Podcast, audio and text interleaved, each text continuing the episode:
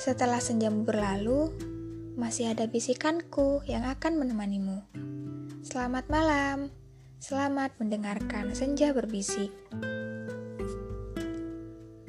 Halo, apa kabar kalian semua? Aku harap kalian selalu baik dan selalu bahagia. Episode kali ini mungkin sedikit berbeda dengan episode-episode sebelumnya. Karena episode kali ini datang dari curhatan pendengar Senja Berbisik yang ingin kisahnya aku ceritakan di Senja Berbisik. Jadi, sebenarnya ini kisah dari teman dekat aku sih, yang tiba-tiba WhatsApp aku dan menceritakan alur kisahnya secara detail. Dia ingin para pendengar Senja Berbisik yang mengalami kisah yang sama seperti dia, jadi tahu kalau kalian tuh sebenarnya nggak sendirian dan yang tidak mengalami kisah seperti dia, ya udah cukup tahu aja sebagai pengetahuan baru dan jangan sampai kalian mengalami dan terjebak dalam kisah seperti ini. Kisahnya cukup unik sih menurutku. Kisah yang menceritakan tentang persahabatan lawan jenis, cowok dan cewek, yang berujung saling suka dan saling sayang. Namun lucunya tidak berujung jadian. oh iya, temanku ini berpesan bahwa identitasnya untuk disamarkan. Jadi namanya kita samarin aja menjadi Sasti dan sahabatnya kita beri nama Ewa. Oke, mari kita mulai ceritanya. Awal mulanya, mereka pertama kali ketemu di acara disnatalis sekolah yang ternyata Teman-teman Sasti adalah teman-teman Ewa juga. Kenalanlah mereka di sana. Kemudian berlanjut ngobrol di sebuah kedai kopi, yang akhirnya mereka sama-sama sadar bahwa mereka berdua sudah berteman di BBM. Jadi ini kejadiannya di zaman-zaman masih BBM-an. Katanya kala itu mereka berdua masih sama-sama punya pacar Si Ewa ini bucin banget sama pacarnya yang telah menjalin hubungan kurang lebih dua tahunan. Sejak saat itu, Sasti dan Ewa ini jadi sering berkomunikasi dan akhirnya mereka berdua bersahabat karena mereka sering curhat satu sama lain. Oke, berawal dari curhat. Tetapi mereka tidak hanya berdua, dalam persahabatan itu ada satu lagi cowok, yakni teman dari si Ewa ini. Jadi ada tiga orang dalam persahabatan mereka. Kata Sasti, Ewa ini orangnya baik dan welcome, serta sangat tahu bagaimana menghargai dan memperlakukan orang lain. Hingga suatu ketika, Ewa ini putus dengan pacarnya, dengan alasan Ewa diselingkuhin. Padahal Sasti ini tahu bahwa Ewa ini sangat menyayangi pacarnya. Nah, sejak saat itu, Ewa lebih fokus dengan kuliahnya yang terletak 177 km dari kota mereka. Ewa menjadi mahasiswa berprestasi dan aktivis di kampusnya. Jadi, Ewa ini kuliah di luar kota yang jaraknya lumayan jauh dari kota mereka. Dan akhirnya mereka berdua Sasti dan Ewa hanya bisa berkomunikasi melalui telepon dan chatting. Dan tak lama dari itu, Sasti juga putus dari pacarnya. Ya, ternyata mereka sama-sama menjomblo sekarang. Oke, lanjut.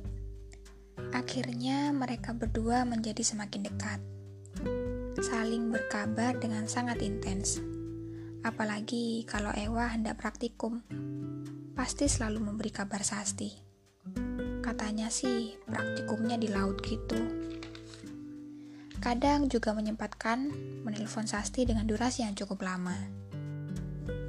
Hingga ada di sebuah momen, Ewa bercerita ke Sasti bahwa dia sedang menyukai seseorang. Sasti mencoba menebak namun tidak berhasil. Dan pada saat itu juga, Sasti udah mulai baper nih sama si Ewa. Sasti sudah mulai mencintai Ewa katanya. Sasti tetap menunjukkan jiwa tegarnya dan tetap berperilaku sebagaimana seorang sahabat dengan Ewa. Sekian waktu berlalu, Akhirnya tiba di hari ulang tahun Ewa. Ewa pulang nih ke kotanya. Dan Sasti beserta satu lagi sahabatnya itu memberikan kejutan kecil pada si Ewa. Ewa terlihat sangat bahagia kala itu. Sampai akhirnya malam itu Ewa jujur bahwa seseorang yang ia sukai selama ini adalah si Sasti.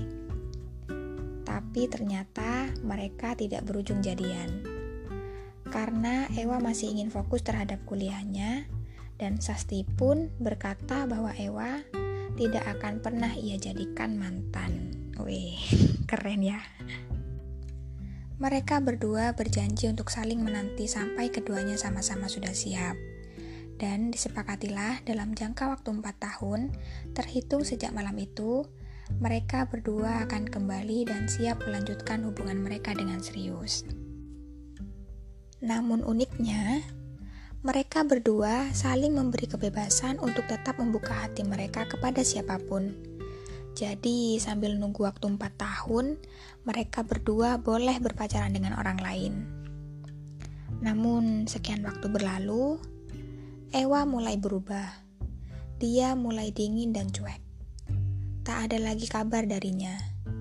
Ewa mulai datang dan pergi sesuka hatinya. Sasti pun mulai mencoba membuka hatinya dengan orang lain, bahkan sampai berpacaran. Sasti tetap tidak bisa melupakan Ewa. Sasti tidak bisa sepenuhnya menaruh hati pada orang lain. Ewa pun katanya telah bergonta-ganti pasangan, dan hal itu tidak membuat Sasti menyerah untuk terus menanti janji Ewa yang katanya pasti akan kembali. Dan sekarang sudah empat tahun berlalu. Seharusnya saat ini mereka menempati janji mereka, namun sampai sekarang tidak ada kejelasan. Gila sih, empat tahun menanti hal yang tidak pasti, tidak mendapat apa-apa, pun tidak juga menjadi siapa-siapa. Dasar sasti, sasti. Ternyata ada ya kisah kayak gini. Kisah penantian panjang namun tanpa kepastian.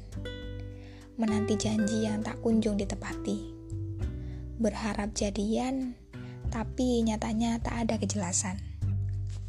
Di sini aku nggak bisa ngasih saran apa-apa sih sama Sasti. Karena aku yakin dia pasti udah tahu apa yang harus dia lakukan. Cuman mungkin dia belum bisa nerima solusi yang ia dapat dari dirinya sendiri. Sasti pasti udah tahu pintu untuk jalan keluarnya. Namun sepertinya dia masih enggan untuk membuka pintu tersebut.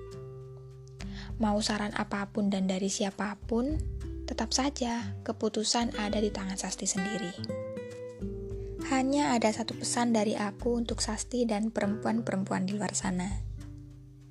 Jangan terlalu lama menunggu laki-laki, sebab jika dia benar-benar mencintaimu, dia tidak akan membiarkanmu terlalu lama menunggu dalam sebuah penantian. Pun jangan terlalu percaya terhadap janji.